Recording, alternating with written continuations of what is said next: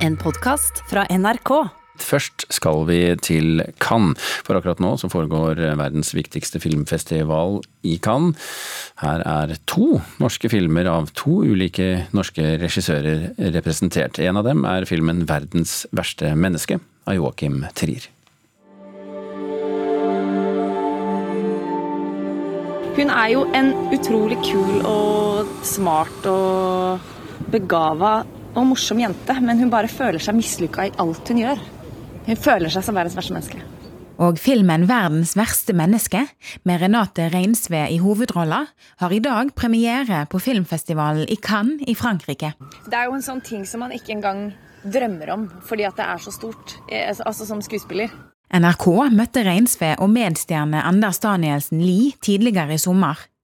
Og nå, en måned senere, skal filmen, som er regissert av norske Joakim Trier, konkurrere mot 23 andre filmer om den gjeveste prisen på hele festivalen, nemlig Gullpalma. NRK var til stades i Cannes under Norsk Filminstitutts mottaking for filmen til Trier onsdag kveld.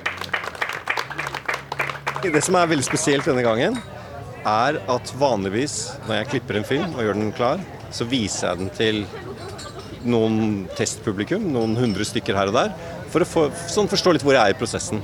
Pga. covid så har det vært umulig å vise den til mer enn fem mennesker på likt. Så jeg har aldri, for første gang med alle filmene jeg har laget, sittet i en kinosal og hatt premiere og for første gang opplevd den sammen med et stort publikum. Og der, har de fortalt meg nå 2300 mennesker. Så det blir ganske interessant. Så jeg vil si 90% av tiden er jeg veldig begeistret og gleder meg, og så 10 så er jeg livredd. Og dette er et ekstra staselig filmår for Norge. For det er ikke bare Trier som kaster filmglans over landet. Eskil Vogt, som i tillegg til å ha vært manusforfatter på 'Verdens verste menneske' Nei, ikke gjør det. Nei, nei ikke sånn. Ikke sånn. og flere av Trier sine filmer, skal også delta i det offisielle programmet med sin spillefilm 'De uskyldige', som blir vist på lørdag. Gratulerer så masse, så jeg vil gjerne skåle for dere. Kulturminister Abid Raja med sin nystrøkne skjorte er også på plass i Cannes. Han sparer ikke på kruttet. Vi blir helt målløse over at Norge er her med hele to filmer. Det er vanvittig anerkjennelse, først og fremst av eh, disse regissørene og filmene, men også av eh, Norsk Filminstitutt og av Norge som land. Tenk deg at dette er altså verdensmesterskap i film. To- Over 2000 filmer har konkurrert om å være med i hovedkonkurransen. Det er kun 24 som slipper inn. Oh là là Il y a tout ce monde là-bas aussi. Trier og Vogt blir av filmmagasinet Montage kalla to av våre absolutt viktigste internasjonale filmkunstnere. Og så gjenstår det da å se om det blir verdens beste filmpris til verdens verste menneske.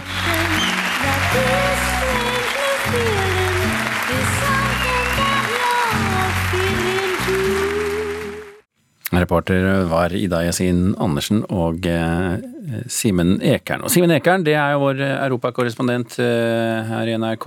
Han er på plass nå i Cannes. God morgen, Simen. God morgen. Er, jeg vet at det er tidlig på morgenen, men hvordan er stemningen i Cannes?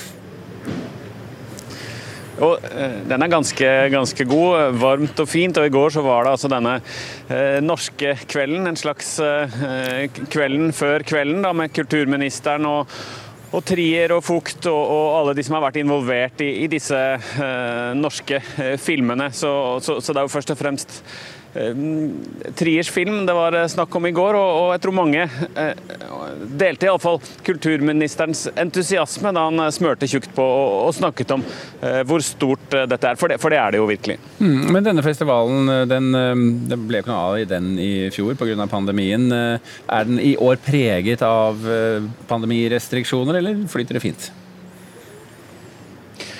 Nei, Det er den i høyeste grad. Først så ble den jo flyttet fra, fra tidligere i vår. eh, Og, og, og når vi er her nå, så, så er det altså sånn at alle hele tiden enten må vise fram eh, vaksinepass, eller så må man ta nye tester eh, annethvert døgn for å slippe inn på, på filmvisningene.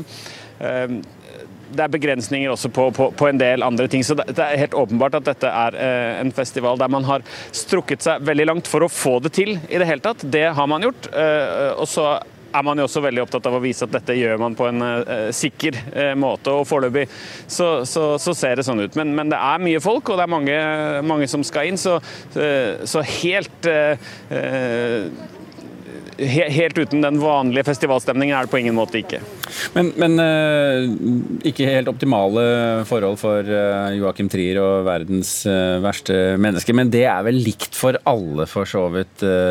Så, så, la oss ta en tid på verdens verste menneske. Hva slags forventninger kan vi ha til den i hovedkonkurransen?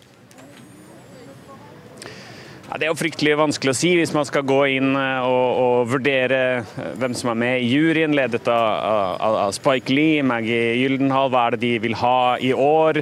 Da kan man uh, rote seg bort. Jeg tror kanskje først og fremst man må være klar over at det er en seier uh, å, å, være med. Og så har denne filmen kvaliteter som åpenbart vil bli verdsatt av en jury, men om det er den filmen de, de setter høyest, det, det blir vi rett og slett nødt til å vente, vente litt, litt, lenger på. Men, men i kveld, altså i palasset som dere ser rett bak meg her, så, så, så blir Trier å finne med, med, smoking og svart munnbind, for det er påkrevet også i festivalens uh, retningslinjer for, for, for, antrekk uh, i tråd med, med, med, covid. Men det holder ikke med hva som helst. Altså, det må være i, i, i stil med resten av antrekket. Så det blir ganske sikkert en, en, temmelig stilfull kveld i kveld, når, når den norske filmen skal, skal vises for, for så mange for første gang. Men det er jo ikke bare denne eh, ene filmen, vi har to. Det er jo eh, spesielt, selvfølgelig. Den andre filmen er 'De uskyldige',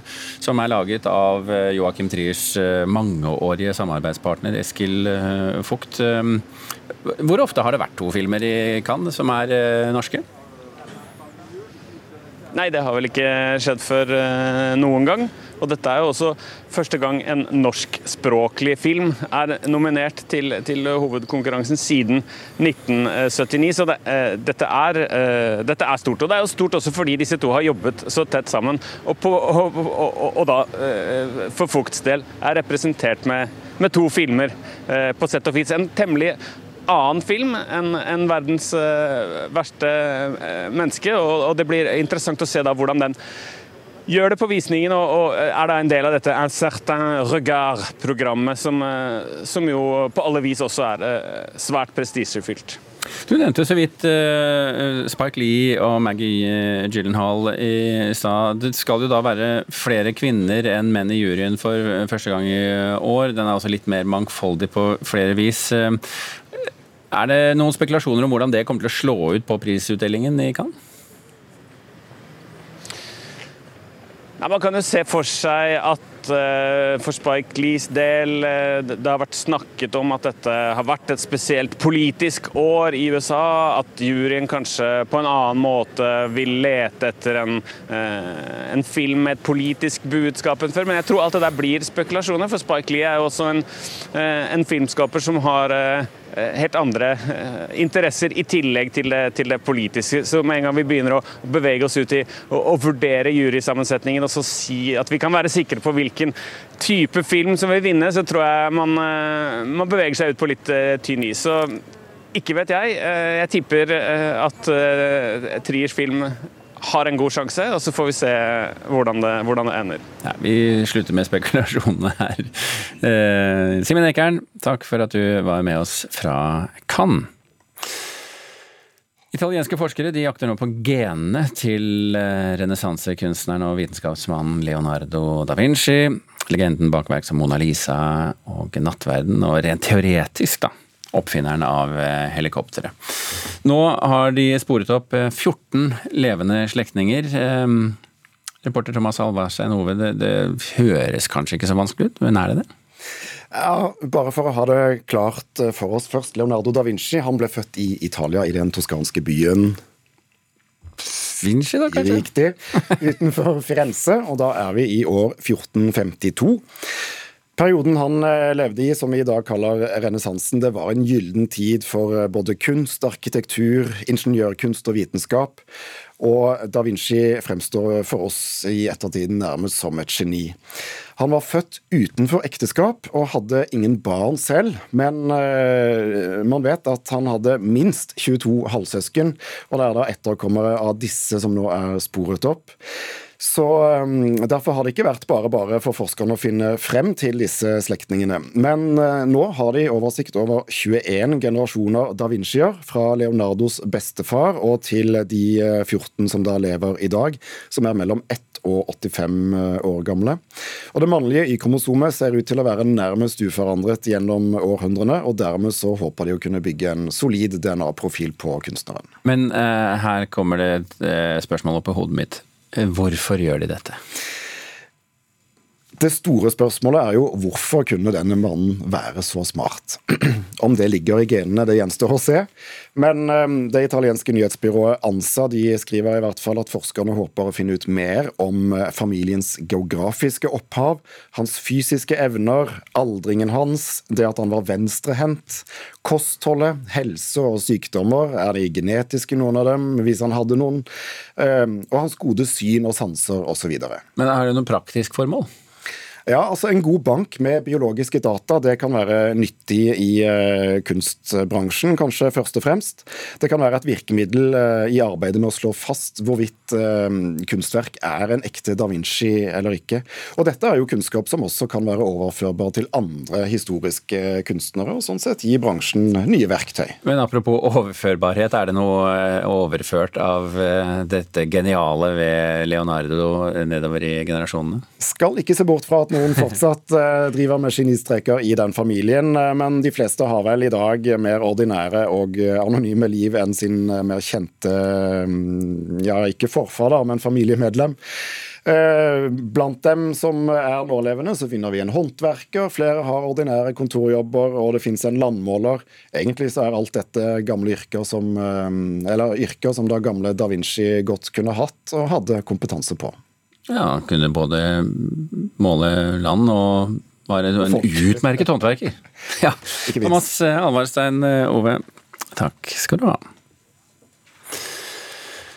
Hollywood-stjernen Scarlett Johansson var kanskje, som du husker, i Norge i 2019 eh, for å spille inn scener til actionfilmen Black Widow. En superheltfilm som henger sammen med de populære Avengers-filmene. Black Widow er jo en av Avengerne. Etter å ha blitt utsatt i over et år pga. pandemien, så er filmen eh, endelig premiereklar denne uken.